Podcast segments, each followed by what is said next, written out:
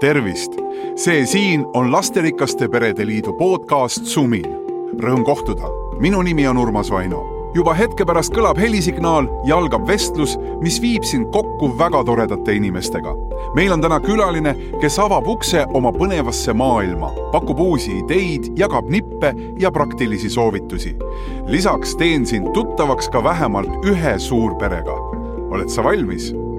aga hakkame siis sumisema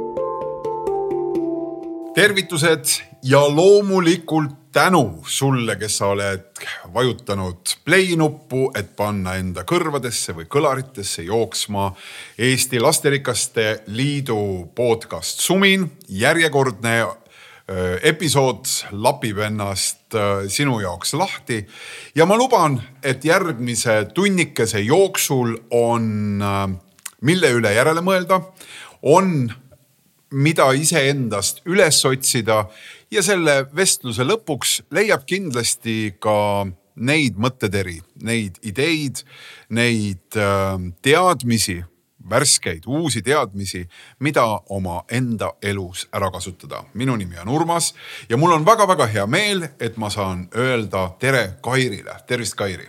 tere. Kairi Lenk ja kusagil seal sinu nime taga on siis Äh, kirjeldus suhteterapeut mm. -hmm. jah, just nii. mida see tähendab, suhteterapeut?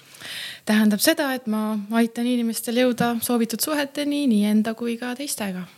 ehk siis äh, selle eeldus on, et on mingi suhe mm, -hmm. aga suhteid on ju nii palju, suhteid on absoluutselt igasuguseid, äh, ma ei tea, igal inimesel on, on, ma ei tea, suhe, ma ei tea, oma vanematesse, oma töökaaslastesse ja nii edasi. millist suhet sina silmas pead? No ma olen oma väljaõppelt siis täpsemalt pereterapeut ja võtan vastu siis paare ja peresid ja ka siis individuaalkliente et, et mõtlen suhteid selle, selle all, et tulevad inimesed, kas siis tulevad oma äh, partnerite pärast, oma laste pärast, oma vanemate pärast, iseenda pärast, et, et selliseid äh, isiklikke suhteid siis rohkem. ja siis sa aitad sellest kuidagi nagu saada mingit selgust kas sa aeg-ajalt ütled ka, et oi-oi-oi, et niimoodi me küll enam ei tee, lugupeetud külaline, kes sa oled tulnud siia minu juurde, iganes, kuidas sa siis pöördud, ma ei tea, klient või patsient, eks ju, mis sõna sa kasutad mm. -hmm. klient. klient jah, et kas sa nagu paned ikkagi mingitele, mingitele asjadele täiesti nagu käe ette, et kuule, klient, sellist me nüüd küll enam ei tohiks teha, kui sa tahad ühte, teist, sellist muudatust, kolmandat muudatust mm. -hmm. ma aitan, aitan pigem neil endal näha, et kui nad tahavad jõuda sinna punkti A, siis kui sa teed neid ja neid asju, siis sa sinna lihtsalt ei jõua. et eh, ma, mina ei ole see, kes ütleb, et tee seda, tee toda, vaid ma aitan neil näha, et noh. päris seda retsepti sinu juurest ei tule, et vaata nüüd sellised sammud ja siis on mm -hmm. õnn no, sinu hoovil. laias laastus on kindlasti mingisugused eh, mingi teekond, kuidas sa sinna jõuad, mingi seaduspära, aga seda ma tõesti ei ütle jah, et tee nii, siis juhtub naa. Et seekord, Kairi, me oleme siin sinuga kahekesi selles äh, vestlusringis. tavaliselt on, on teisi inimesi veel, aga täna me nii-öelda räägime, vestleme, peegeldame ja püüame ka võtta seda mitte ainult siis sellise intervjuu või vestlusena. ma luban sulle, et, et mingeid enda küsimusi, enda äratundmisi püüan sinuga jagada ja püüan neid saada sinu käest ka kätte. mitte ainult siis sinu töö ja ametiga seoses, vaid sinu enda elukogemuse pinnalt ka selle jaoks, et siit minema hakata, siis sa oled ise ema. ja minul on äh, armas äh, kohe varsti nelja-aastane tütar ja üks, üks laps. üks laps ja, äh, ja ma, mulle meeldib see, et sa seda kohe täiendad, sest et nii nagu me oleme siin laste äh, rikaste perede liidu, eks ju, podcast'is, siis ootus nagu suurele perele on olemas, aga sa oled ise nii-öelda siis sellisest minimaalselt suurest perest pärit? jah, minimaalne suur pere jah, et ma olen kolmelapselisest perest, et mul on kaks vanemat õde ja mina ise olen siis see kõige noorem kolmas, kolmas laps, et mul on see kogemus küll, et kuidas, kuidas on olla selles äh, kolmelapselises peres siis. nii et need suhted me toome siia kindlasti sellesse vestlusesse sisse ka veel mm. -hmm. ja milline sinu see ettevalmistus on, et, et sa, sa teed seda tööd, sa, sa nõustad, sul on kliendid, kes tulevad tulevad sinu juurde. millise teekonna sa oled läbi käinud selle jaoks, et jõuda siia tänasesse päeva?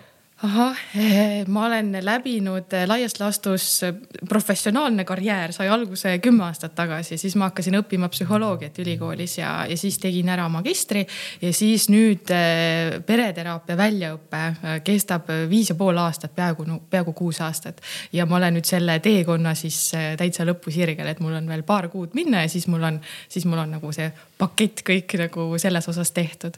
ja, ja ma olen tegelikult ka väga palju teisi äh, erinevaid teraapiavorme juurde õppinud. Äh, ka hetkel ma olen veel San Francisco baaride instituudis, äh, õpin baari, baarisuhte arengulist mudelit ja siis on veel individuaalteraapia vorme ja ja veel, ma, ma ei hakka neid kõiki ette lugema, aga on küllap on sinu käest ka seda varem küsitud ja mulle teeb see alati selles mõttes nalja, see küsimus mm. -hmm. ehk esitan selle ise ka kohe hetke pärast mm. -hmm. sellepärast, et, et kui võrrelda siis mingite teiste valdkondadega, siis ei ole ju nii, et kui sa kuuled või kohtud bussijuhiga ja, ja siis sa ei ütle talle, ahaa, sa vaatasid, et nagu linnaliiklus on nii kehvasti korraldatud, et sellepärast sa läksid õppima siis bussijuhi ametit ja nüüd pead seda. Või et kui sa oled äh, tööl kusagil kohvikus või baaris, et noh, eriti baaris, et sul endale ka ikkagi see gin toonik läheb nii väga korda, et nüüd sa läksid yeah. baari.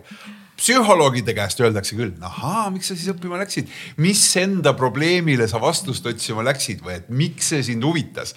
On nii, eks ju. See on väga hea küsimus ja. aga kas sa tead, kas sinu jaoks on selgelt öeldav see, et miks sa seda läksid uurima, et miks sa ühel hetkel avastasid, et psühholoogia on sinu ja sealt edasi kogu see teraapia pool ka mm? -hmm. no alguses ma kindlasti olin oma valikus ebateadlik selles osas, et mulle, mina teadsin väga selgelt, et ma tahan teada, miks inimesed teevad nii, mida nad teevad või teevad seda, mida nad teevad. aga siis äh, sellest hetkest tegelikult, kui ma hakkasin pereteraapiat õppima, ma läksin sinna sissejuhatavale kursusele, siis ma hakkasin aru saama, et oot-oot-oot-oot, et siin on, siin on nii palju asju hoopis teistmoodi. ja siis ta hakkas juba läbi isikliku kogemuse minema ja siis see oli nii põnev ja mulle endale nii kasulik. muidugi ma olen ise selle teraapia teekonda ka käinud läbi, et ma, minul on endal uskumus, noh mõnel teisel terapeudil võib-olla teine uskumus, aga et kui sa ise ei ole enda teemadega tegelenud, ise teraapias käinud, et siis on väga väike tõenäosus, et hea terapeut saab sellest inimesest et, et siis jah see.... ehk see on ikkagi iseenda naha peal mõnes mõttes katsetamise kunst ja teadmine ja. päriselt sünnib alles sellel hetkel, kui sa ise oled mingeid sügavaid järeldusi ka oma elus teinud jah, et selline sügav teadmine ja samas ka siis ma ei jää kinni äh, teraapias nendesse kohtadesse, mis on tegelikult minu enda teemad. teraapias on selle nimi projektsioon, et ma, ma ei hakka enda teemasid klientidele kuidagi pea üle kandma. seda õpib eraldi täiesti, et kuidas ma ei see... pane nagu enda mõtteid tema pähe ja, ja ei näe iseennast seal siis tegelikult lõpuks. ja, ja tegelikult see vastus ongi eneseteraapia teraapiatel. no väga tore, kuulajale siis teadmiseks ka nagunii sa oled juba seda meie jutu sissejuhatusest või siis eelinfost nagu välja lugenud, me räägime seekord paarisuhte tervishoiust ja, ja, ja püüame heita pilku sellele, mis see paarisuhe üldse on ja kuidas sealt siis edasi püüda astuda samme, et see suhe toimiks ja töötaks. Kairi ma arvan, et selle nii-öelda suhteteraapia teema juurde tulles on üldse vajalik aru saada, et kuidas me tegelikult oma elus partnereid valime. kuidas inimesed järsku, noh, mingid inimesed järsku hakkavad tõmbuma. kas see mhm. kunst on sinu jaoks selgeks saanud, et mis see on, mis liigutab mägesid ja neid omavahel kokku toob? Mm. -hmm. no kindlasti on olemas need teadlikud tegurid, et me lihtsalt mõtleme, et see, see partner on tore, eks ju. aga ma tean ka seda, et meid alateadlikult tihtipeale, ehk siis me tihti ei mõtle sellest teadlikult, eh, tõmbavad need inimesed, kes astuvad just nimelt meie kõige valusamatele konnasilmadele, nendele eh, lapsepõlvehaavadele. ja miks see nii on, see on, see on sellepärast, et me valime partnereid, kellel on eh, sarnased käitumised või ta siis aktiveerib sarnaseid tundeid nagu lapse lapsepõlves, siis näiteks vanematega või, või need, kes, kes meid äh, hooldasid. ja siis äh, me, me, seal on sees lootus, et kui ma siin suhtes saavutan selle lahenduse sellele samale igatsusele, sellele konfliktile, et siis ma saan tunda ennast armastusväärse, väärtuslikuna, tahetuna. Äh, et et seal on sees selline alateadlik igatsus ja, ja see muidugi mängib rolli ka see, et, et tuttavlik tundub meile ka turvaline ehk siis. ma juba seda tean jah, seda tead ja just, et, et see on ka seotud sellesamaga, et eh, tihtipeale just see tuttavlik nii-öelda jutumärkides turvaline valik tuleb välja, on just meie vajadustega vastuolus see ebaturvaline valik. aga siis seal on see potentsiaal eh, tervenemiseks seal paari suhtes. aga konstrueeri mingi konkreetne näide, et mis seal lapsepõlves siis pidi juhtuma ja, ja mis selle, mis selle partneri potentsiaalse tulevase võimaliku partneri puhul siis tõmbab mm. -hmm. no näiteks, kui ma kasvasin üles ja mul olid emotsionaalselt kättesaamatud vanemad, et nad ei olnud mulle kogu aeg olemas ja ma väga igatsesin seda, seda ühendust ja. sügavamat lähedust. sügavamat nii. lähedust, et pane mind palun tähele ja siis ma näen, ma näen siin hulki inimesi, kes, kes mind hakkavad tõmbama ja, ja mind hakkavad tõmbama just need inimesed, kes, kes tegelikult annavad selle sarnase kogemuse mulle, et ma saan, et äkki tema ma saan tõmmata enda ligi ja tuleb tihti välja ka see see, et, et ma valin just neid sarnaseid inimesi, kes tegelikult ei ole emotsionaalselt kättesaadavad ja siis ma pidevalt mängin seda, seda lugu nagu uuesti ja uuesti ja soovin seda saada. ehk see siis on enamasti nagu mingi negatiivse programmi peale, kas ma saan aru õigesti? kui see on seotud lapsepõlve igatsuste ja haavadega, siis, siis, siis selles mõttes jah, aga seal on muidugi ka väga palju positiivseid aspekte, et, et kelle sarnaseid me valime. näiteks huumor et ma olen harjunud, et ma tulin perest, kus kasutati palju huumorit, siis on tõenäoline, et mulle meeldib ka partner, kes, kes, kellele meeldib huumor näiteks. mis selle juures siis ohtlik on, mida me selle juures peaksime ise nagu mõistma? et, et mitte sattuda mingisse sellisesse luupi, kuhu me võib-olla ei tahaks, kuhu me, kust me oleme võib-olla välja saanud, sest et mm -hmm. partneri valik ju tähendab ka nagu mõnes mõttes uut eluetappi või uut edasiminekut, teisse mm -hmm. situatsiooni jõudmist, et, et mida selle juures siis tuleks märgata mm? -hmm seal on raske midagi teha sellest ratsionaalsest ajukoorest, et kui see on see aju on ju, siin on see ratsionaalne mõtlemine ja siin on see emotsionaalne aju. aa, sa teed nagu käega, me ei näe see. seda, kuulaja ei, nagu ei näe seda, kui ta vaatab, on kasulik vaadata praegu videot jah. sul on ja. käsi nagu rusikas, rusikas ja siis see ratsionaalne on siin mm. eesotsas. et mul Nii. on see pöial siin rusika sees ja siis need sõrmed on siin rusika peal. ja siis äh, juhtub tegelikult nii see, et kui meie emotsionaalne aju aktiveerub, siis see ratsionaalne aju, see ajukoor, äh, frontaalsagar, kus me teeme sellised luugid. prefrontaalne korteks. jah, no Eesti, ma ütlen hästi Eesti, Eesti väga hea teadmised. Grete Arro, Grete Arro. Grete Arro ja, äh, et äh, siis see lendab lihtsalt siit pealt ära, see ratsionaalne mõtlemine ja siis me suudame käituda ainult siit emotsionaalse aju põhjal ja, ja kui ma ei ole tegelenud nende haavadega, ma ei ole tegelenud sellise eristumisega, et ma suudan ennast reguleerida, emotsionaalne intelligentsus, siis, siis on väga raske anda anda siit, siit kohast neid nõuandeid sellest ratsionaalsest äh, ajust. ehk siis seal on nagu see trikk, ma saan aru, nagu see füsioloogiline trikk on see, et üks nendest on nagu sellisem aeglasem, kus on vaja natukene anda lihtsalt sellel protsessil aega saada aru, mis siin nagu toimub minuga ja teine lihtsalt see emotsionaalne pool plahvatab väga kiiresti, need tunded tulevad väga-väga, ma ei tea, noh, ilmselt on seal nagu tehnilises mõttes küll küsimus mingites millisekundites ja nii edasi.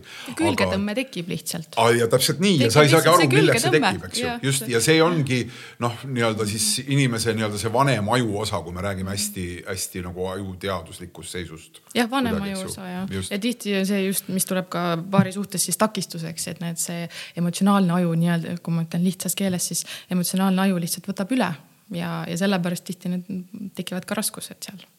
Aga samas sa ütled, et seda on nagu vajalik selles mõttes, et, et see on see, mis, mille ma tunnen ära ja, või siis ei ole tegelikult vajalik, et iseenesest, kui ma suudaksin seda juhtida, ma saaksin no nii-öelda enda tuleviku jaoks nagu parema ja kasulikuma suhte. ja, et tasakaal selle vahel, mida ma mõtlen ja selle vahel, mida ma tunnen, et, et mul tekib see, selle nimi on pereteraapias eristumine mm. -hmm. mul tekib võimekus valida, et ma ei, ma ei pea käituma vastavalt sellele, mida see emotsionaalne aju mulle ütleb, see, see tähendab seda, et ma ei, ma ei ole emotsionaalselt siis Äh, nii palju veel äh, arenenud või see eristunud. ehk siis ma suudan valida, mul on see, ma olen kontaktis sellega, mis, mis on mul mõtted ja need, mis on mul tunded ja siis ma saan valida ehk siis ma tunnen praegu vajadust öelda, et siin ei ole nagu vale ega õiget, vaid me kirjeldame lihtsalt seda, kuidas me inimesena nagu töötame yeah selle loomana nimega ja. inimene, et ja. kuidas me nagu töötame, me töötame nii ja parem on, kui me sellest aru saame, eks ju, et mis mehhanismid meie sees on. ja, aga sa usud nagu päriselt, et seda on võimalik juhtida, kas sa, kas sa näed lugusid, kus inimesed tõesti juhivad oma partneri valikut? sest mm lõppude lõpuks ikkagi tundub nii, et see on kuidagi miski, mis tuleb peale, mis ütleb, et see on see õige mm. -hmm no me, kui me saame teadlikuks ja kui me tegeleme oma nende haavadega ehk siis meie traumadega, siis, siis meid hakkavad tõmbama võib-olla meie jaoks tervislikumad valikud. see on võib-olla minu mõte praegu sa vaatasid niimoodi otsa. sest et me oleme harjunud ju mõtlema sellest partneri valikust, kui noh, seal on nii palju huvitavaid klišeesid, eks ju. öeldakse kõigepealt, et naised valivad, eks ju, et noh, meestel ei ole seal nagu väga teha midagi üldse. et see on miski, mis on, on nii-öelda paari suhtes, kui on naine ja meespaar, eks ju ja erisospaarid, seal on nagu enamasti naised need, kes selle otsuse teevad. ja mehed tulevad, et kas, kas see peab paika või ei pea paika kuidagi? sellega ma ei tegele. tegele. mina tean lihtsalt sellest. nii palju, et kui sa oled teadlik, teadlikum ja tegeled enda traumadega, siis sa saad teha ka teadlikumaid valikuid, olenemata sellest, kas sa oled mees või naine. ja see teadlikkus selle puhul on see, mis sind võiks aidata ju ka edasises elus ja, lihtsalt nendest ja, probleemidest üle ja, saada. et esimene samm ongi teadlikuks saada ja siis teine samm on juba see tunnetega töö ja, ja kõik see muu. ehk siis enne veel, kui peaks inimesel tekkima nii-öelda see ja võib-olla see on ka miski, mis teda takistab selle paarisuhte tekkimisel, eks ju mm. -hmm. sinu enda nagu varasemad probleemid ja varasemad mured on ju mõnes mõttes kindlasti, mitte mõnes mõttes, vaid otseselt, eks ju mm, -hmm. sinu jala küljes mingi sellise betoonkamakana, mida sa kaasas ja, vead. seljakotis. seljakotis, kui tahta nii mõelda yeah..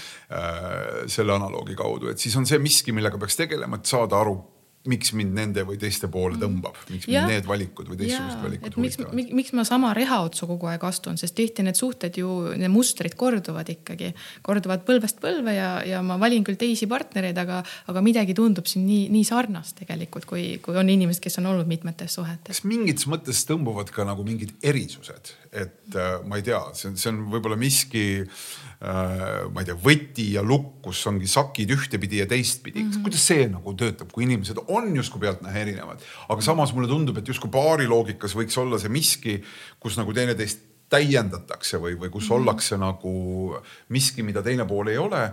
kas see on ka miski nagu võti mõistmaks mingeid suhteid, mis omavahel tekivad? Muidugi on erisusi äh, ka et.... aga see on ikkagi erisus ühesõnaga? et on, äh, on olemas ähm, ähm, meil on äh, suhtemustrid, mis meil on sarnased, mis meid tõmbavad, aga isiklikud erisused muidugi on selles osas, et me saame üksteist täiendada, me oleme nii komplementaarsed, nagu sa ütlesid, lukk ja, ja võti või lukualk. kuidas see paari suhtel arengufaasid, mul lihtsalt on märksõnana see kirjas, et kuidas mm -hmm. me mhm. neid üldse nagu, kui, kui täpselt me neid näeme mm, -hmm. kui sarnased nad on et see alguspunkt on juba ju ka arengufaas, eks ju, mingis, mingi sammukene sellel teel. kui erinevad need on või kui tegelikult ühetaolised me nendes asjades oleme mm? -hmm. tervislik paarisuhte areng käib üsna sellise kindla mineku järgi. et eh, alguses on selline sümbioosi faas, nii nagu eh, on võrreldav sellise beebi ja ema arenguga ka või on võrreldav ka paarisuhe. et alguses me moodustame selle sümbiootilise suhe, see tähendab seda, et ma ei saa väga hästi aru, sina, kus oled sina ja kus olen mina ja me oleme nii sarnased ja sa oled nii ideaalne ja ma armastan sind ja, ja kõik tundub nagu, me oleme nagu justkui üks, täpselt nii nagu ema ja beebi. ja siis need paarisuhte arengufaasid vaikselt peaks hakkama toimuma see eristumine. ehk siis me hakkame mingi, mingi hetk märkama, et oot-oot-oot-oot, et enne mulle, ma kuidagi ei märganudki seda, aga nüüd, nüüd mind järsku häirib see, et sa teed sihukest asja. oota, sa oled teistsugune inimene, et sa, sa ei olegi mina, et sisuliselt see, seda on lihtne kuidagi öelda, aga, aga praktikas selline, sellised erisused toimuvad ja siis, kui hakkavad toimuma see avastus, et ta ei olegi mina ja, ja te, hakkab tekkima selline eristumine, siis äh, tuleb toime tulla selle ärevusega, mis tekib, kui, kui me hakkame märkama neid erisusi. ja tihtipeale tahetakse teha nii, et äh, ole nagu mina ole, ole minu moodi või siis äh, ma üritan hästi olla sinu moodi, et sulle meeldida. Need on sellised ebaefektiivsed viisid selle sümbiootilise ehk siis sulandunud suhte säilitamiseks ja väga palju, enamik paare jäävad just sinna faasi tegelikult kohe sinna algusesse juba kinni. Nad võivad seal olla aastakümneid ja mitte kunagi sealt isegi mitte välja saada. et seal, seal on need ebaefektiivsed viisid, et me peidame või siis eitame neid erisusi. on näiteks ühed paarid, kes ütlevad, et me kunagi ei tülitse, meil pole kunagi pro probleeme me oleme nii õnnelikud ja siis järgmine hetk võib tulla uudis, et ah, me läksime lahku ja siis kõik on üllatunud, et mis, mis juhtus. Te olete nii ideaalsed. jah, te olete ju nii ideaalsed, mis, mis juhtus, et see, see on niisugune klassikaline näide sellisest sümbiootilisest äh, paarisuhtest. ja siis teine variant on see teine äärmus, kus äh, hakatakse tülitsema, hakatakse suruma, kas siis teist minu moodi olema või siis hakkan ise hästi palju olema sinu meele järgi, sinu moodi. et osalen sellises vihastes argumentatsioonides, et eesmärk on see, et me kuuluksime kokku, oleksime, oleksime tagasi uuesti selline sümbiootiline suhe ehk siis ma tehes siin kuidagi niimoodi, et, et see teine faas igal juhul nagu mingil hetkel selle sümbiootilise järel tuleb. lihtsalt küsimus on selles, et kas me endale tunnistame seda ja, ja mismoodi me seda teist, teist faasi nagu ise mõtestame, kuidas me oskame mm -hmm. sealt läbi minna. ja, et umbes kahe aasta paiku see, see eristumine võiks hakata toimuma, et umbes kuni kaks aastat võite rahulikult olla sellises normaalses sümbioosis, et see ongi okei okay,, et te oletegi väga sulandunud esimesed noh, umbes, umbes kaks aastat, seal on alati erisusi, aga, aga siis võiks hakata toimuma see eh, mina olen mina ja sina oled sina ja, ja kuidas me nüüd selle, sellega toime tuleme ja kuidas me aktsepteerime neid erisusi ja kuidas me neid konflikte hakkame lahendama, et kas me üritame ikkagi ole nagu mina, nõustu minuga või siis me oskame ka nüüd sealt edasi liikuda. Ehk sa ütledki seda, et kui ongi mingi reaalne periood, mingi see kaks aastat, kui see tunne on mõlemal nagu alguses nagu sügav, siis see kaks aastat ongi neil nagu olemas mm -hmm. enam-vähem, mis võiks olla nagu garanteeritud, kui seal midagi ei juhtu, et siis sellel hetkel hakkab nagu tõenäoliselt kahe aasta jooksul, kahe aasta pärast hakkab see tekkima, see, see märkamine, nägemine ja arusaamine. jah, et kui see on edukalt, edukalt selle sümbioosi loodud suhe, siis, siis käib see niimoodi jah. Kohe tahaks küsida, kuidas sellele siis nagu teadlikult vastu minna, ehkki ma arvan, et lasterikaste perede vanemad muidugi on tõenäoliselt ikkagi olnud kauem koos kui kaks aastat, aga, aga nende jaoks ka veel, kellel see suhe on ikkagi nagu alguses mm. -hmm. mida seal siis teha, kui sa hakkad, ma saan aru, et ja see on negatiivne emotsioon, eks ju, et kui sa märkad mingeid selliseid asju, siis see on nagu ootamatu. kas seal saab kuidagi mingit käitumist või, või, või mingit lähenemist soovitada, mis sellest hetkest üle aitab mm? -hmm. no eristumise esimene samm on öelda, mida sa tunned mida sa mõtled, mida sa tahad, mida sa soovid, mis sulle meeldib, mis sulle ei meeldi, ilma põgenemata ja ilma ennast kaitsmata. ehk siis ma ei, ma, ma lihtsalt olen ja ma lasen ka sul lihtsalt olla, see on, see on, mina saan teha omalt poolt seda ja siis loodetavasti partner saab teha sama. et tihtipeale hakatakse kas siis peitsma iseenda erinevaid osi et ma räägin sulle midagi, aga ma jätan midagi rääkimata. või siis, või siis teine, teine ütlebki välja, et, et ära, ära mulle räägi neid asju, mulle ei meeldi, et ebamugav on. et siis see võiks olla see esimene samm eristumisel. mis asjad need võiksid olla, mida, mida inimesed võib-olla nagu, ma ei tea, räägivad, aga mis teisele mhm. poolele siis ei pruugi meeldida? tundus mm -hmm. nii, et sa oskad selle kohta midagi öelda, sa tõid nii konkreetse näite mm. -hmm. no näiteks kui ma mõtlen, kui inimene, kui diskopall suhtes, et diskopall koosneb sellistest erinevatest. Äh, peegliruutudest. ja peegliruutudest ja siis, kui see valgus paistab, siis ta niimoodi ilusti sillerdab ja see diskopall peab keerlema selleks, et see sillerdus hakkaks toimuma. ja, ja kui sa mõtled, et sina ja sinu, sinu erinevad tuhat miljon palju meil neid osi on, eks ju, hakkad ennast näitama sellele partnerile, siis vahel on lihtsam näidata kõike seda rõõmsat ja head ja, ja kõike seda osa. aga kui ma hakkan rääkima nendest haavatavatest tunnetest, näiteks ma kardan midagi, sa tegid midagi, mis äh, mulle tegi haiget, ma räägin sulle oma valust, oma, oma hirmudest, oma häbist, oma süütundest, need on, need on sellised väga-väga haavatavad kohad ja siis partner, kui, kui me oleme sulandunud, ta võib hakata isiklikult seda võtma, ta mõtleb, ah sa räägid, et ma ei ole piisav, et ma ei, mis mõttes ja siis ma hakkan sind näiteks vastu ründama või siis ma näiteks eemaldun. Mm.. et, et võib tekkida selline sulandunud suhtes, ma ei, ma ei erista, et sina oled sina ja sul on sinu tunded, vaid ma võtan näiteks seda isiklikult ja siis partner võib hakata maha tegema seda, et ära räägi mulle neid asju, sest et tegelikult see partner ei talu ise ära seda, et teine räägib talle neid äh, erinevaid tundeid või mõtteid või, või soove et, et ma ei, ma ei tea, kas see oli. ja, ja natuke ma usun, et inimesed said kaasa mõeldes kindlasti ja. sellest veel paremini aru mm. -hmm. ja. ja mingis mõttes on see nagu ka helihark, et, et eh, helihargil on need kaks, kaks otsa on ju, et kui üks ots hakkab vibreerima, helisema, siis teine ots hakkab kohe ka vibreerima, helisema. et see on ka sihuke sümbiootilise suhte hea näide, et kui sinul näiteks, kui sina oled pahane näiteks või või oled sina kurb, et kas ma hakkan kohe kaasa sinuga vibreerima, kas, kui sul on halb, siis mul on halb, kui sa oled rõõmus, siis ma olen rõõmus. kuidas peaks, kui ma pidin ja. iga kord jooksma kaasa seda jooksu, ma saan aru, et Heliargi muud ja. moodi ta ei saagi heliseda, ta hakkab, aga paari suhtes. paari suhtes võiks olla nii, et kui sina helised, siis ma saan aru, et sina helised ja, ja ma ei pea kohe hakkama kaasa helisema. sinu kriis ei pruugi olla minu kriis ja, sellel ja. hetkel. et ma võin, võin olla sinuga emotsionaalselt kaasas, ma võin tunda kaastunnet, empaatiat, aga, aga see ei ole minu emotsioon, mina, mina ei pea siin vibreerima. Tead sa, ma pean sulle ütlema, et see on nagu see kõige raskem asi, kui mm -hmm. sa praegu räägid sellest, sest et ja. äh, mulle isiklikult tundub sellel hetkel alati, et ma pean selle ära lahendama. ma pean ütlema, kuidas on õige või kuidas minu arvates asi käib mm -hmm. või et mhm. kuule niimoodi, et miks sa ikkagi ei tee seda, see on mina, räägib praegu siin, ma tunnen alati niimoodi ja, ja no ma ei tea, kas ma olen praeguseks nagu hea tagasihoidja ennast selles sest mul hakkab kohe võbelema, ma nagu kohe tunnen, et see on minu asi ka. et kui sina nii tunned, siis ma pean kohe saama parandada seda. ja, ja see on väga-väga tavapärane, et ma hakkan kohe lahendama, ma hakkan kohe nõu andma, tee seda, tee toda, onju. aga tegelikult, mida sa alateadlikult sõnumit saadad, on see, et ma ei usalda sind, et sa tuled ise toime oma probleemiga.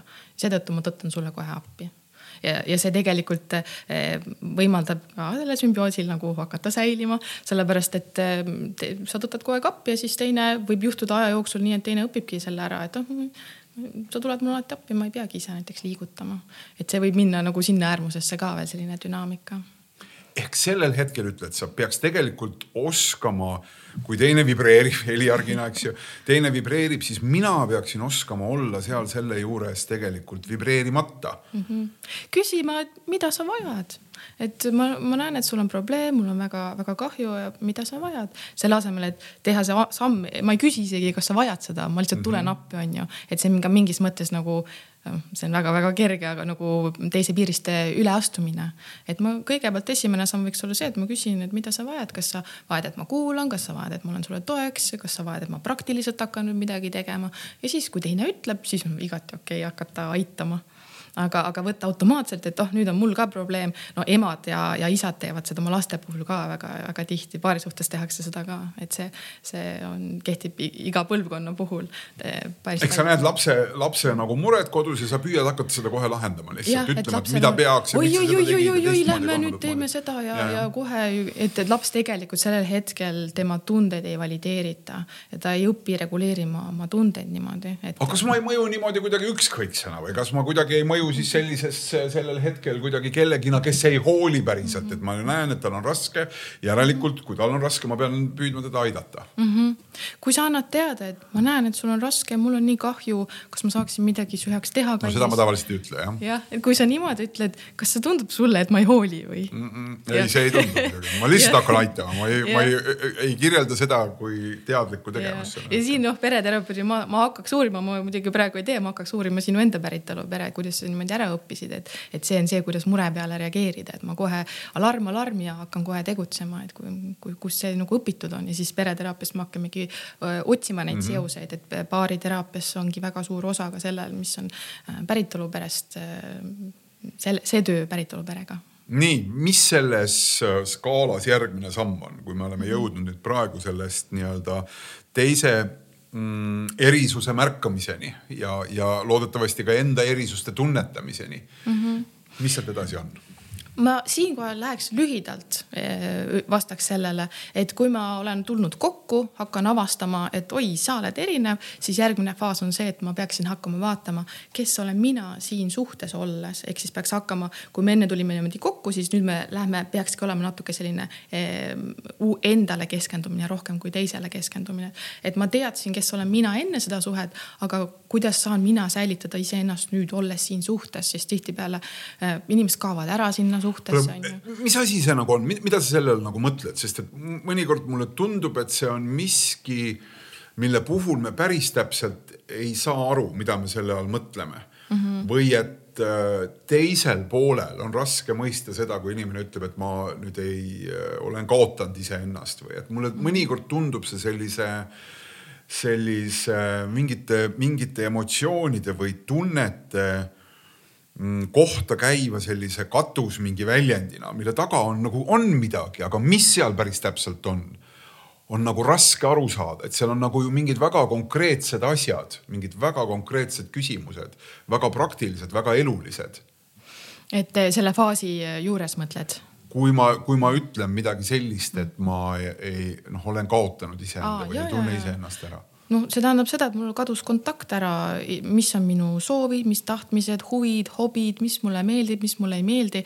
et kui ma sellest sümbioosi faasist kõik tundus nii tore ja polegi vaja süüa, polegi vaja sõpradega nii palju suhelda, polegi vaja hobisid nii palju. mul oled sina. ja sest mul oled sina mm, -hmm. aga siis selles faasis peaks olema see, et jah, mul oled sina, aga nüüd, kus nüüd see ülejäänud elu on, et peaks tulema tagasi see tähelepanu, hakkama uurima seda uuesti et ja siis, ja siis peale seda tuleb jälle see, et me saame nüüd uue ringiga, uue pilguga, sellise küpsemana tuleme jälle taas kokku, harjutame seda ja siis lõpuks peaks jõudma sinna sünergia siis faasi, kus, kus üks pluss üks võrdub rohkem kui kaks, et meil on koos, koos on tore. see ei tähenda seda, et meil ei ole konflikte, aga, aga me oleme eristunud, et me ei hakka helisema ja, ja me suudame toeks olla ja ma olen kontaktis endaga, enda tunnete, vajadustega, sina enda omadega ja ma sõltun sõltun endast, toetun endale, oskan ka sinu, sinule toetuda, et see tähendab sellist kuule, aga astume korraks nagu selle nii-öelda selle lahendamise või selle abistamise juurde ja ma ei tea, kas seda saab teha iseenda elu peale lihtsalt mõeldes eks ju, ilma siis äh, sinu või, või, või mõne sinu kolleegi sekkumiseta.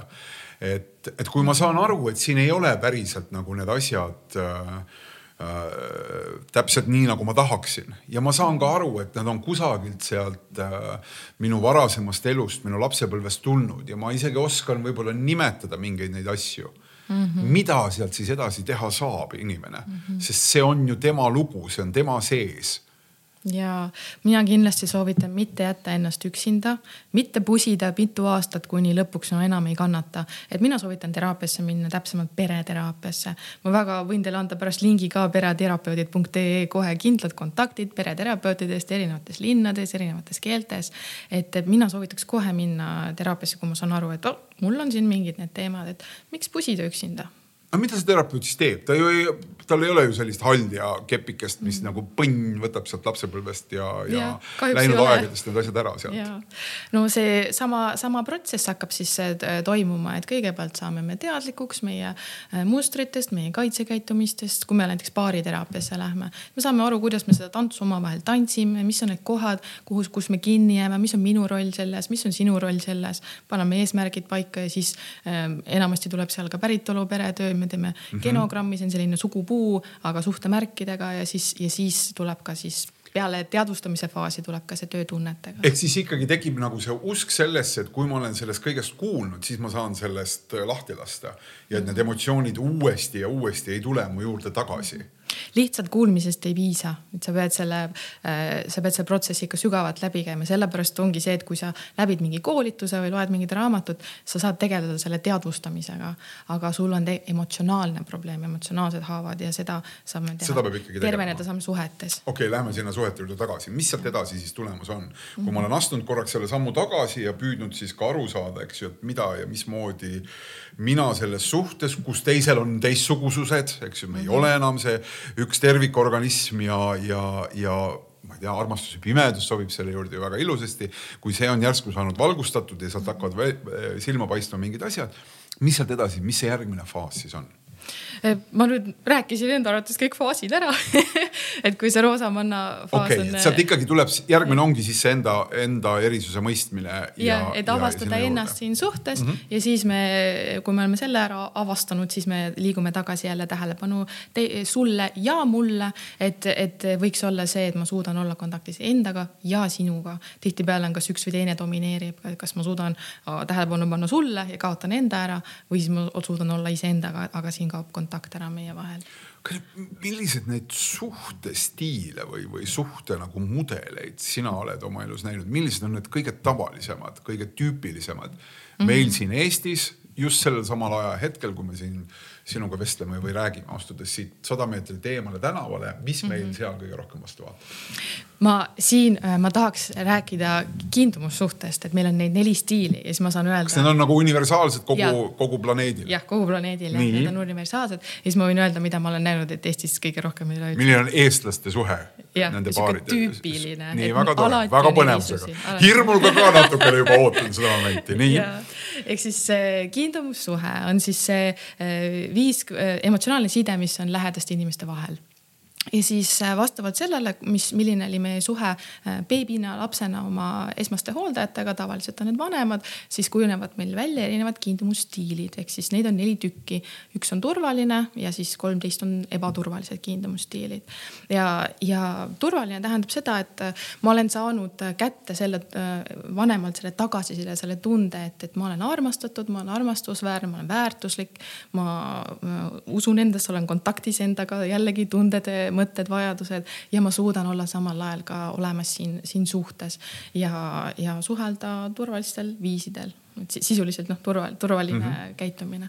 ja siis on olemas ebaturvalised ja, ja nendest äh, kaks tükki ongi siis see kõige populaarsem kombinatsioon on olemas vältiv kiindumusstiil ja siis ärev kiindumusstiil räägime nendest ja siis alles hakkame jõudma sinna, millised meie eestlased siin siis oleme kõige rohkem. et äh, ärev kiindumusstiil äh, on siis selline, kus äh, on suur selline hülgamise hirm tegelikult inimesel sees. ehk siis see kiindumusstiil kujunebki välja juba lapseeas, beebieas on ju. et siis, et, et ma ei usalda päris, et, et sa oled minu jaoks ikkagi olemas. Ja sellepärast need inimesed tihti tahavad saada palju kinnitust, nad küsivad mitu korda, et kas sa ikka armastad mind, kas, kas, kas sul on ikka kõik hästi, kas, kas ikka on niimoodi ja see võib olla teisele poolele ka üsna kurnav ja, ja kuna nad äh, ei taju seda turvalisust ka enda sees nii palju, siis, siis nad võivad hakata ka kritiseerima, võivad hakata näägutama, et, et saada just seda äh, tähele, tähelepanu või ma ütleksin isegi mitte tähelepanu, vaid seda äh, kohalolu, et see teine ikka, kas ta ikka on minu jaoks olemas et see, see iseloomustab mm -hmm. siis seda ähm, ärevat. mille pealt see tekib? See tekib selle pealt, et kui vanem äh, natukene on sinu jaoks olemas ja natuke ei ole, siis tekib see sisemine hirm, et ma ei, ma ei tea, kas sa järgmine hetk oled siin. et sa eelmine hetk olid, aga nüüd sa ei ole ja, ja siis tekibki selline nagu ärev nimi ütlebki, mhm. selline mm -hmm. baasärevus.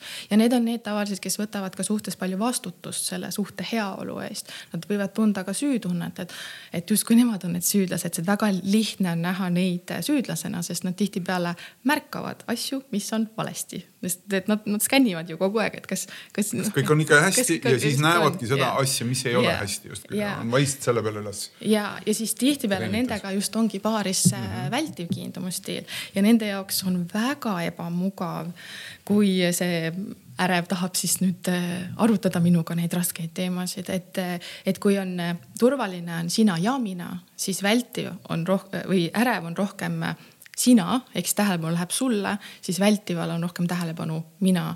ehk siis seda on liiga palju, et ta pigem hakkab eemalduma, ta hakkab vältima. Tal ei ole probleem neid teemasid panna pausile, kui äreval on vaja see, et, et mul on mingi mure ja mm -hmm. hakkame nüüd lahendama, ajame selle asja ära, siis vältival on see, et mul pole probleemi. Ja tihtipeale võib, võib olla selline narratiiv suhtes, et kus see vältiv ütleb, et mul ei ole probleemi, mul on kõik hästi, asi on sinus, sina oled hull, on ju. Et, et see on üsna nagu selline tavapärane ka, et, et vältivatel on, on selline, nad sooviksid, et see teine partner käiks nagu nende rütmis, et võtame nüüd rahulikult ja ärme, ärme siin seda kõiguta seda paati nii palju ja mi, miks me, ah, miks me jälle peame sellest rääkima. kogu aeg tuleb mingi jama. kõlab nagu loogiline, nagu inimene on nagu enam-vähem, aga ma saan aru küll et vaatan siin praegu peeglisse natukene selle olukorra juures. Ja et neil on tihti see, et hakkab jälle pihta, on jälle see tuleb ja tihtipeale on see, see sellised väljendid. kust see pärit on, mis seal lapsepõlves siis toimus või milline see suhe oli, kus ta kasvab selliseks mm, -hmm. see vältiv? Äh, kasvab, äh, kui äreval on äh, vanemad, on olemas, ei ole olemas, siis vältival nad on saanud sõnumeid, et ei ole okei okay olla tunnetega kontaktis, ei ole okei okay olla oma vajadustega kontaktis ja nad võivadki öelda. tubli poiss, ära nüüd nuta siin midagi praegu mehed ei nuta, noh, see -hmm. see ei ole soopõhine, on ju, aga suurem osa on neil, on uuritud küll, et suurem osa vältivaid on mehed ja suurem osa ärevaid on naised, aga, aga on ka vastupidi kindlasti neid äh, olukordi. et äh, tekibki siis, kui, kui sulle antakse sõnumeid, et, et äh, noh tõmba kokku ennast, et ära, ära, ära näita neid äh, tundeid ja, ja vajadusi. ja siis see muutub äh, ohtlikuks, muidugi nad ei ole tihtipeale sellest nagu üldsegi teadlikud, et nad tahavad lahendada emotsionaalseid probleeme ka hästi ratsionaalselt ja loogiliselt ja teeme nüüd üks, kaks, kolm ja siis saab kõik äh, korda, on ju. et, et neil on raskus arvestada teistega rohkem ja siis ärevatel on rohkem raskus arvestada iseendaga. et see on see nagu mõlema poole mm, raskus siis või kuidas öelda, üksikud hundid näiteks äh, on tihtipeale vältivad siis. ehk ma siit sain praegu aru, sellist kolm mudelit on põhilised mm. -hmm jah, ja neljas on mm -hmm. lihtsalt segu ärevast ja vältivast, selle nimi on desorganiseeritud stiil, mis tähendab seda, et need eelnevad on organiseeritud piisaval viisil, et mul on selline üks ühtne stiil kuidas ma tavapäraselt vastan, siis sellel on, on lihtsalt see, et seal on kaootilisust rohkem, seal on sellist konfliktsust, ma, ma tõmban ja ma siis lükkan ja ma tõmban ja lükkan ja ma olen iseendale, ei saa iseendast võib-olla arugi, et miks mul, miks mul nii on ja teistele olen segadust tekitav, et, et siin lihtsalt lühidalt segu ärevust ja vältivast. ja meie eestlased oleme tavaline Eesti paar on üks ärev ja teine vältiv ja siis nad äh, satuvad tihtipeale äh, nõiaringidesse, mis on siis sellised negatiivsed suhtlemistsüklid, kus üksteise kaitsekäitumised takistavad konfliktide lahendamist. ja ma, ja ma tahan veel seda öelda, et ükski nendest stiilidest, kui nad teevad neid kaitsekäitumisi, nad ei tee seda halvaga, nad ei, nende kavatsused ei ole halvad, nad teevad seda sellepärast, et see tekitab minus turvalisust. äreval tekitab turvalisust see, et palun räägime, lahendame, on ju, et keskendun sinule.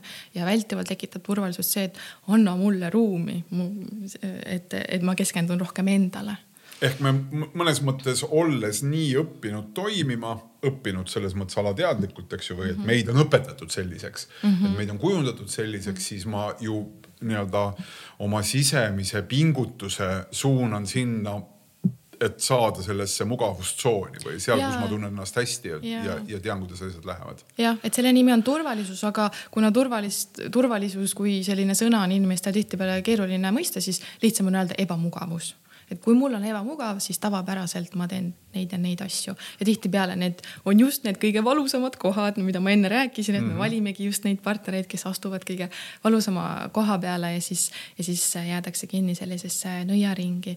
et, et kus üks on, ühe käitumist võib kirjeldada justkui nagu kilpkonnana mm -hmm. ja teise käitumist justkui nagu rahetormina. et mida rohkem see kilpkonn kardab, tõmbub, mida rohkem on ebamugav, seda rohkem ma tõmban seda kilpi peale ja eemaldun sinust, lähen kas emotsionaalselt emotsionaalselt või füüsiliselt ära, olen nagu lukus, kivisein. ja, ja siis seda rohkem see rahetorm hakkab sadama, et hakkame nüüd lahendama, sajame sinna kilbi peale. ja mida rohkem see rahetorm sajab, siis seda rohkem see kilp, kilp sinna kinnistub ja nii mhm. edasi on ju no väga tore, nüüd sai see kõik meile selgeks, kes me oleme eh, Kairi, ega me ju jõuame nüüd selle juurde, eks et kuidas seda tervishoidu siis hoida selles, et me saame aru, et me oleme need ja, ja mõistlik selgitus või mõistlik vastus kõlab, et marss terapeudi juurde ja teeme seal need asjad korda, kui kõik seda teeksid, siis saaks see, ma ei tea, hakkama aastaks kaks tuhat kaks või kaks tuhat ükssada kõigi nende jaoks, kes täna elavad, sest lihtsalt neid inimesi ju ei ole nii palju, eks ju. ja see ei ole ka mingi vabandus loobumaks selleks tegevusest, eks, või sellest tegevusest, aga on selge, et me peame ju nüüd püüdma kuidagi ise ka seda tervishoidu siis oma suhtes äh, nagu tekitada, eks ju, et kuidas ja. selles olukorras siis paremini nagu hakkama ja läbi saada mm.. et see kiire ekskursioon nendesse erinevatesse arengufaasidesse ja, ja suhtetüüpidesse, mida siit nüüd siis peale hakata. ja paneme nüüd selle tähelepanu ekstra kuidagi sinna, et meie kuulajad võiksid siis olla äh, suurte perede vanemad Mm -hmm, mm -hmm. ma küsin selle kohta veel ka kindlasti täiesti eraldi, aga ikkagi, et kui me nüüd saame aru, kui me tundsime siin ära natukene, et, et mina olen rohkem näed siit ja sina oled rohkem sealt või et ma üksinda ka kuulates tundsin ära iseennast, mismoodi nüüd astuda järgmist sammu, et kuidas ma saaksin siis ennast äh, nendes emotsionaalsetes olukordades nagu paremini suunata mm. -hmm no esimene asi on see, et kui ma saan aru, et äh, mul on rahulolematus ja mul on ebamugav ja ma ei tea, mida teha. esimene asi, palun minge teraapiasse, et ärge kannatage, paljud paarid jõuavad mitu aastat liiga hilja sinna teraapiasse ja siis on juba nii palju kahjustust tehtud seal suhtes, et, et need kiindumushaavad, need kiindumuskahjustused on juba, äh, kui sa ikka teed selle paberilõike ja sa teed sinna paberilõike peale aastaid ja aastaid lõikad seda ühte väikest paberihaava, siis sellest saab ikka väga suur ja, ja mädanev haav ja siis võib juba hilja olla, et esimene asi kindlasti võiks äh, teraapiasse minna. et ja, ja minu meelest on hästi oluline ka aru saada, et mis need päriselt need vajadused on, et, et ma võin ka siin praegu öelda, mis need paarisuhte tavalised need kiindumusvajadused on, et, et igaüks saab siis analüüsida, et kuidas minu praeguses paarisuhtes, kas need on äh, kaetud. ehk siis esimene soovitus on see, et olla nii-öelda siis silmitsi oma päris vajadustega ütled mm -hmm. sa praegu. teraapiasse soovitame minna, aga, aga, aga meie see jutu mõte on ju aidata mm -hmm. ja anda natukene, eks ju, mingeid neid tööriistu, mis need vajadused siis on mm. -hmm. ja mulle tundub, et võib-olla äkki kõigepealt peaks selgeks tegema üldse, mis see vajaduse mõiste on, sest et mm -hmm. me ju tahame siin elus väga paljusid asju. kas mm -hmm. vajadused ja tahtmised on needsamad asjad? Ei, need ei ole samad asjad, et äh, vajadustega on see küsimus, et kas sa oled nendega kontaktis või mitte. vältivad, ütlevad tihtipeale, ah mul pole mingeid vajadusi, mind see küll nagu ei puuduta, onju. aga see ei tähenda seda, et nad olemas, olemas ei ole. näiteks suhtes on kiindumusvajadused. ma tahan äh, tunda ennast nähtuna, kuulduna, mõistetuna, tahetuna, hinnatuna, väärtustatuna. ja kui ma tunnen niimoodi, siis me, siis ma tunnen ühendust sinuga, eks ju. ja siis ma tahan teada, näiteks vältivate jaoks on väga oluline, ma tahan teada, et ma saan sinu silmis õnnestuda seda, et mul ei lenda need kriitikanooled kogu aeg minu poole. see tähendab seda, et siis see teine partner peaks väga jälgima, et see, see on just pigem selle vältiva äh, haav tihtipeale. ma tahan, ma ei saa tunda ennast turvaliselt enne, kui ma ei tea, et sa mind austad ja, ja, ja et ma, et, et sa, et ma saan sinu silmis õnnestuda. ja siis jällegi äreval on, on rohkem see haav, et, et ma ei saa tunda ennast turvaliselt, kui ma ei tea, et mu vajadused on sinu jaoks olulised, et kui sa mind ignoreerid ja ära lähed, siis saab see, see haav äh, tihtipeale äh, pihta. et ja ma tahan tahan teada, et mind ei ole liiga palju, just näiteks äreva puhul kehtib rohkem see, et öeldakse, ah oh, sa oled liiga emotsionaalne, sa oled liiga selline, tollane on ju. et see on jällegi teise partneri siis tühistamine, mahategemine, et, et võiks jälgida seda, et kas, kas see toimub näiteks mm -hmm. suhtel. ma tahan teada, et sa aktsepteerid minu haavatavust, kui ma tulen äh, selliste minu jaoks väga ebamugavate teemadega toon need lauale. et äh, näiteks hirm, kurbus, häbi, ebamugavus, mis iganes need võivad olla.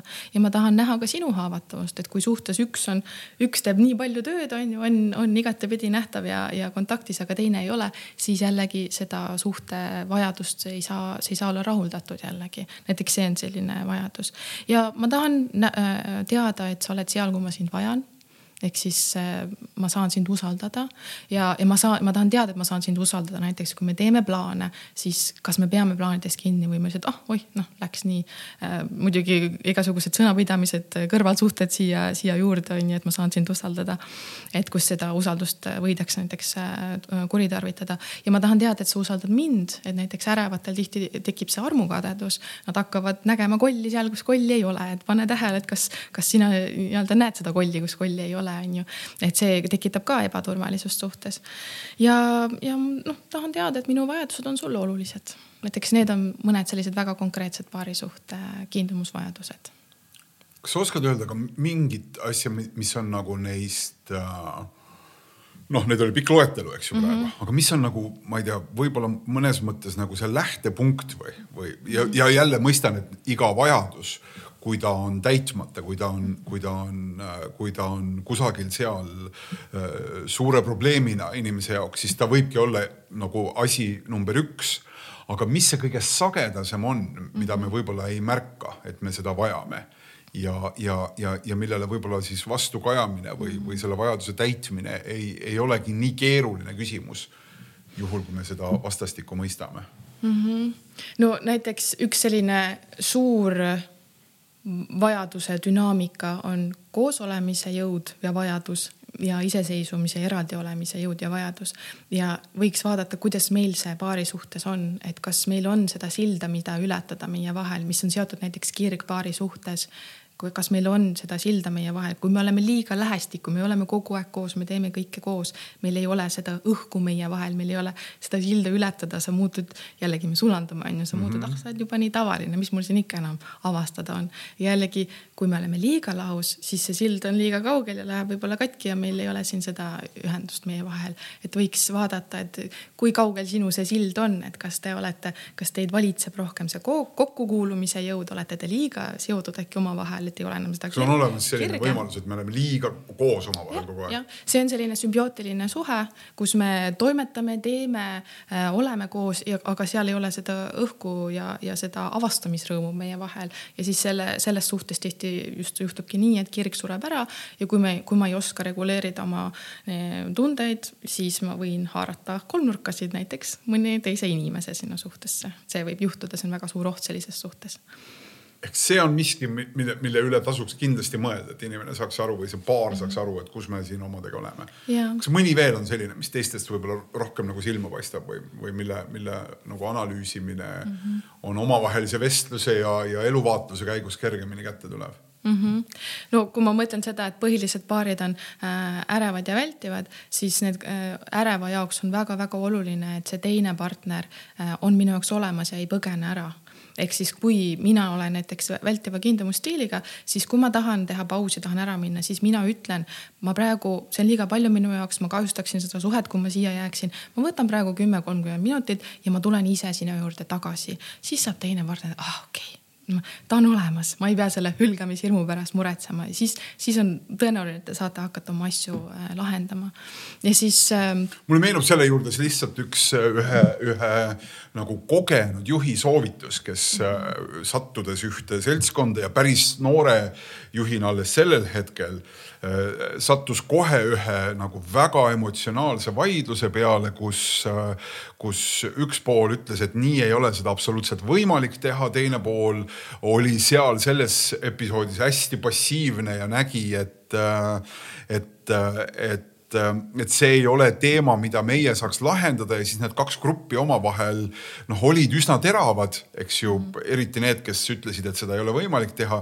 Ja juhil nagu sellel hetkel käitumine oli see, et ta ütles, et okei okay,, teeme siin praegu pausi, et ma tulen kolmekümne minuti pärast tagasi ja, ja see oli miski, mis oligi lahenenud pärast seda, mõlemad ja. pooled pakkusid oma poole versiooni välja ja, ja, ja, ja see töötas sellel hetkel sellises olukorras äh, sarnaselt. nii nagu sa soovitasid praegu. ja kui te märkate, et te olete selles, selles sõjas nii-öelda, kus ma tajun, et partner on minu vaenlane ja me, ja me võitleme siin omavahel, siis targem on teha sellel hetkel paus, et kui ma siin edasi. me ei võitleme, pea seda siin kohe ära lahendama, aga ja. me lahendame seda poole tunni pärast ja räägime edasi. et me paneme paika, et me lihtsalt ei põgene selle eest, et me ei pühi seda vaiba alla mm, -hmm. aga lihtsalt praegu praegu me, me, meil on see gaas lennanud siit pealt ära sellest ratsionaalsest tajust ja, ja me ei ole produktiivsed praegu, et see, see on nagu väga hea, mida meeles pidada ja just ärevatel on hästi oluline see, et kui sind midagi häirib, ära hakka seda negatiivses vormis, et sa kunagi ei tee seda, sa ei tee seda, vaid räägi oma igatsusest rohkem, räägi, räägi sellest, mida sa tahad, mida sa soovid, näiteks mitte see, et sa ei tee kunagi, vaid ma väga igatsen, et sa tuleksid mulle praegu kaisu, et sa minuga räägiks, mulle väga meeldiks see, et neil oleks vaja just seda, et, et ära vormista seda kriitika noole vormis. Vaid enda vajadusena, enda mingi ootusena. mina keeles, et mulle meeldiks see, mitte et sina, sina, sina, vaid mulle meeldiks see ja ma igatsen seda. me nüüd jõudsime selle juurde, siin esimene soovitus võib-olla juba kõlas, aga, aga ma sihin nüüd selle ootuse nagu võib-olla täpsemaks natukene, et kui me räägime sellest paarisuhte tervishoiust ja endiselt see on ju Sumina podcast ja me räägime siin praegu mõeldes eelkõige lasterikaste perede peale või perede peale, kus on, kus on lapsi, palju lapsi mm. -hmm. mis sulle tundub, mis seal on need asjad, mida see paar kindlasti, ema-isa peaks kindlasti tegema? Äh, et hoida seda, seda, seda suhet nii-öelda heas toonuses mm. -hmm. no kui sul on palju lapsi, siis see tähendab seda, et su ressursid on limiteeritud, jaotatud ja eh, esimene asi, ma usun, et need pered teavad seda juba ise ka, et lapsehoidjad on elupäästjad, nad on suhtepäästjad, et eh, kes, keda iganes, sõbrad, sugulased, naabrid, kauged sugulased tut,, tuttavad, keda sa usaldad, vanemad, kõik, kõik, kõik palgatud, kui on raha, on ju. et, et, et lapsehoidjat võtta endale, see on väga-väga-väga oluline et ärge jätke ennast üksinda. ja, ja kui te siis saate seda aega, siis vaadake, et see oleks jaotatud nii, et ma saan endale enda aega ja siis seda paari aega. et see, need tasside järjekord peaks olema kõigil selge, et esimesena kallan enda tassi, teisena paarisuhte tassi, kolmandana laste tassi ja just tihtipeale nende, nendel vältivatel kiindujatel on hästi oluline töö, et töö on neljas, et töö ei ole minu tass et see näiteks see järjekord ka, kuidas me, kuhu me valame seda energiat ja ressurssi. kui sa kuuled kedagi rääkimas, et oi, sain tehtud tööd kõvasti ja tegin ja toitsin siin peret ja katsin, siis sa alati kuuled seal taga ikkagi ka nagu mingit sellist vältivat käitumist. seda ma ei saa, ma ei saa nii otseseid järeldusi teha, ma saan teha hüpoteese, ma saan hüpoteese teha, siis ma hakkan kontrollima, et ma, mina ei usu, et minu mõte on jumala sõna, on ju, et, et ma, ma mõtlen ja nii on, on ju. aga, aga tihtipeale on nii, et, et ma panen kõik oma energia töösse, üheksakümmend protsenti läheb töösse ja siis ma äh, panen lastesse ka ja siis noh, partner on ka siin, on ju. et kui sa niimoodi toimid, siis mida sa veel ootad oma paarisuhted, et siis ilmselgelt see nagu lill närb, närbub ära, et, et suhe ei ole nii, et ma sain selle nüüd kotti ja nüüd see lihtsalt, lihtsalt kulgeb mul kuidagi, ah nii asjad on ja ma lepin. et hästi tavapärane on ka see, et noh, asjad on jah, ei ole nii hästi, aga no mis ma siis teha saan. et tegelikult saab küll väga palju teha, et see on nagu lill, mida peab kastma ja, ja sinna peab panema energiat. ja kui on minul tass täis ja mu partneril, siis me saame koos olla laste jaoks ka olemas ja lastele on see kõige parem, kui vanemad tunnevad ennast hästi. laste, lapsed tajuvad seda pinget pinget, kui suhtes on asjad halvasti, kui mõlemal eraldi on asjad halvasti või, või, või pinged üleüldiselt kodus on üleval et, et see on, ma arvan. ehk siis esimene soovitus on vaatame üle oma tassid, eks ju, näeme, kas see enda tass on olemas ja täidetud paari, siis edasi pere ja siis edasi kuskil seal töö, eks ju, mis veel? ja, ja ehm, saa aru, mis on sinu armastuse keel või keeleed ehk siis äh, kuidas sina, kuidas sulle meeldib, et sind armastatakse? Äh, hari ennast, äh, näiteks Viis armastuse keelt raamat on kirjutatud, mine, mine loe. mis sa selle all mõtled, see, see. näiteks, et kuidas mina tajun armastust, kas ma tunnen ennast armastusena, väga tihti on see, et ühele meeldib näiteks noh, näiteks minu mehele, ta, tema tajub armastust rohkem puudutuste näol ja mina, mina tajun eriti, et ma olen armastatud siis, kui ta ütleb mulle sõnaliselt midagi, sõnalised kinnitused näiteks ja siis võivad olla teo, teod, teened, kingid kingitused, et ku, kuidas ma tajun, et teine mind äh, armastab, mida ta teeb sellist, et, et, et ma tajun, et ta mind armastab. ma viisin kaheksa aastat tagasi talle ühe hästi ilusa kimbu lilli. kas see on nagu hea keel? Kui see teenete tegemine, kingitused on tema armastuse keel, siis sellel hetkel. mina ise hea. tundsin ennast hästi väga, ma ei tea, kuidas, no ta ütles, et ahah ja pani vaasi. see on väga hea, mis sa ütled, et sa ise tundsid ennast hästi, et saa aru, mis on sinu armastuse keel ja saa aru, mis on su partneri oma. et tihti hakatakse andma partnerile seda, mida ma ise tahan saada ja ei uuritagi, et, et mis on see, mida sina vajad, ah mulle meeldib, noh siis järelikult sulle ka, siis ma annan sulle seda. ja mõtle, kui mina oma suhtes, mu mees pakub mulle kogu aeg oma neid puudutusi ja mina ootan, et annab mulle neid sõnu ja siis mina annan talle neid sõnu ja tema ootab, et ma annaks talle puudutusi, siis, siis ilmselgelt need tassid jäävad tühjaks siis. et, et, et siis tuleks see selgeks rääkida, aru saada kõigepealt endast ja, ja siis rääkida partneriga, et mis on see, mida sina praegu tahaksid, mida sa vajaksid ja siis hinnata, kas ma saan sulle seda pakkuda. kuidas sa seda siis oma mehega tegid, istusite maha ja rääkisite sellest, mis mulle meeldiks? no minu mees on nüüd terapeudi mees on ju, minu mees on minuga aastaid kaasas käinud. aga, aga okei okay,. me oleme rääkinud neid asju. mismoodi seda aga... siis teha?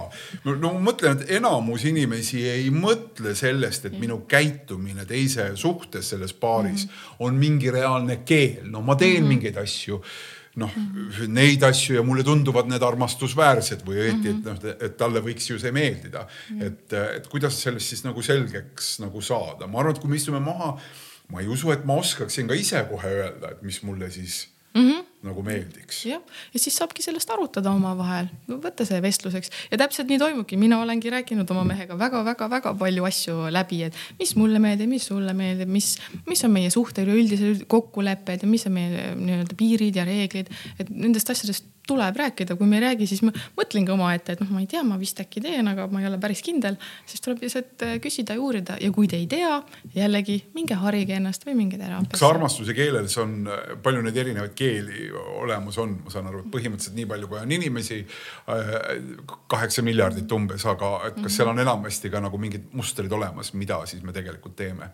No näiteks need viis on need põhilised, mis ma, mis ma välja ka mhm. tõin mm, -hmm. et aga muidugi iga, igaühel võivad olla need e-, era, eraldi spetsiifilised või oma minu, minu moodi rohkem. et see tähendabki seda, et ma pean iseennast tundma selleks, et mu paari suhtest saaks asja, ma pean tundma iseennast, teadma, mis mulle meeldib, mis mulle ei meeldi. väga tore tassid märksõnana armastuse keel teiseks. -hmm. kas me paneme siia juurde kolmanda ka? Mida siis võiks teha, et mõista ühest küljest, mõista paremini oma paarisuhte seisu mm. -hmm. ja, ja kui on ikkagi tahtmist ja, ja soovi seda, seda tervist hoida ja arendada, mida saab siis teha mm -hmm. veel kolmanda asjana? võib-olla, kui sa tahad just nagu ana analüüsida seda, siis üks hea küsimus, mida endalt küsida, on see, et eh, sellisena nagu see paarisuhe täna on, kas ma oleksin rahul ja õnnelik, kui see jätkuks ka nii järgmised kümme, kakskümmend aastat. Et kui vastus on ei, siis palun tehke midagi, jällegi harige, minge teraapiasse. kui vastus on jaa, siis palju õnne teile, väga tore. et see võib olla tegelikult täpselt nii samasugune ju ütleme reaalsuse tšekk, see ei vastus. kui sa ikkagi tunned seda, siis peaks julgema seda öelda, sest et see on teekond sinu nii-öelda parema ja teise ja. parema enesetunde juurde ehkki tahaks öelda ja, ja kõik on hästi mm. -hmm. jah, muidugi võiks see kesta niimoodi pikalt mm -hmm. veel edasi, kakskümmend aastat, kolmkümmend aastat. ja siinkohal minu arust on ka oluline see, et, et ega kõik inimesed ei tahagi endale emotsionaalselt lähedast suhet. paljudele inimestele sobibki olla, kulgeda, kannatada ja, ja edasi minna, et paljudel inimestel ei olegi kas seda ressurssi või tahtmist eh, tehagi neid raskeid samme. sest et kui sa hakkad ikkagi tahtma seda lähedast suhet, siis see, see on ikka tohutult raske teekond, kui sa ei ole sellega harjunud. isegi kui sa elad teisega koos. Kui see on nagu see paarisuhe, ka siis võib mõnikord olla vastus see, et ta ongi selline. või et mina olengi selline. no see on see, mida inimesed endale räägivad et kui mul on lootus kadunud, et, et mul on selline uskumus, näiteks pere uskumus, et suhted ongi, seal ongi kannatust, seal peabki olema seda kannatust. et seal on oluline, kas see on kasvuvalu või see on seisuvalu seisuvalu on lihtsalt kannatus, et me, me ei arene siin kuhugi, me, meie suhe ei arene siit edasi. aga kasvuvalu on ka selline ebamugavus, aga see on selline tervislik valu. mul on äärmiselt ebamugav praegu mitte kritiseerida ja hakata rääkima nüüd oma vajaduste keeles ja mul on äärmiselt raske praegu siia kohale jääda, ma tahaks nii väga põgeneda. et see on selline kasvuvalu, et mis viib edasi, et ma, mul on ebamugav, aga see viib edasi. Ehk siis ei pea kogu aeg õnnelik olema, konfliktid on normaalne paarisuhte osa, iga, iga paar tülitseb Kairi, no suurepärane, suur aitäh sulle kõikide nende mõtete eest ja ma kujutan ette, et siin on mul enda jaoks nii palju neid kohti, kus ma hakkan uuesti ja uuesti seda juttu läbi kerima, et kuulata neid mõtteid üle, mille sa siin eh, järjest sellesse pikka eh, mõtete helmeketti pikkisid. Aga lõpetuseks võib-olla lihtsalt, mis see peale ise noh, enda tunnetus muidugi on see, mis, mis ju ka ütleb meile, aga, aga et kuidas nagu kraadida siis seda suhet. et mis on see, mis annab mingi selge signaali, mis annab selle veendumuse, et kus me parasjagu, kus ma parasjagu oma suhtes olen, kus me parasjagu oma suhtes oleme mm. -hmm. see, mis annab mulle märku, et kas mul on hästi või, või mitte hästi, mõtled seda annavad märku minu tunded ja tunded annavad märku minu vajadustest. ehk siis oh, ma võtsin kaasa ka selle tunnete kaardi, aga see jäi mul sinna et eh, meil on tegelikult palju erinevaid tundeid meie sees, eks ju, ei ole ei head ega halvad, nad on suunanäitajad. kui ma tunnen ebameeldivaid tundeid ja see on see tulenevalt sellest seisuvalust on ju, see on kannatus, siis ma saan aru, et ma ei ole rahul ja ma ei saa, ma ei saa vaielda oma tunnetega, need, need lihtsalt on, nad näitavad mulle suunda, rikkalik informatsioon. siis tuleks vaadata, et siin, siin on midagi minu vajadustele mitte vastavat. aga kui ma tunnen neid meeldivaid tundeid, kõik rõõm, innustus, armastus, rahulolu siis ma saan aru, et need viitavad sellele, et mul on vajadused kaetud. mis hetkel peaks teisega seda siis jagama, kui me paari suhtest räägime, mis hetkel ma peaksin enda seisundist teisega vestlema? Kui sul on turvaline lähedane paarisuhe, siis sa jagad kohe, kui, kui sa sellest aru saad. et, et ei hakka mõtlema, et mm, seda ma jagan, seda ma ei jaga nii, seda noh, et, et siis ma jällegi peidan oma, oma seda diskopalli, siis ma peidan enda osi. muidugi jällegi, ega sa ei pea olema äh, kõigest kohe helistama keset tööpäeva, ütlema, näe, mul, mul on see tunne, on ju. aga, aga kui see on seotud selle suhtega, siis muidugi jagage ka sel samal päevahetkel, kui on Eh, selleks tunne õige. ja need on väga väiksed hetked tihtipeale ka, mis näiteks häirivad või mis on head, et, et näed, praegu nii armast ulatasid mulle selle veeklaasi, aitäh, et ma hakkan sind tunnustama ka, et ma märkan, ma märkan neid väikesi asju ja ma vaatan sind sellise sooja pilguga, hellusega. ma analüüsin, kas te, kuidas te suhtlete üldse, kuidas te oma partneriga räägite, et tihtipeale räägitakse rohkem nagu nagu mitte sõbraga isegi pigem sellise inimesega, kes on sihuke tüütu ja mu jalus ja, ja, ja pigem märkan neid negatiivseid asju, et, et sellist tunnustamist oleks ka väga palju vaja. Kairi, suur aitäh selle vestluse eest, aeg läks ülikiiresti ja siin oli nii palju neid punkte, mille üle järele mõelda ja, ja mida iseendast läbi lasta ja mida kindlasti arutada siis äh, oma paarisuhte teise poolega, et saada paremini aru, millises seisus ja millises olukorras see paarisuhe on. kõik teie küsimused, head kuulajad, kes te olete selle mõtterännaku kaasa teinud, on loomulikult oodatud, kommentaarid täpselt samamoodi. ma loodan, et te saite siit praktilisi vihjeid ja mõtteid. ilusat päeva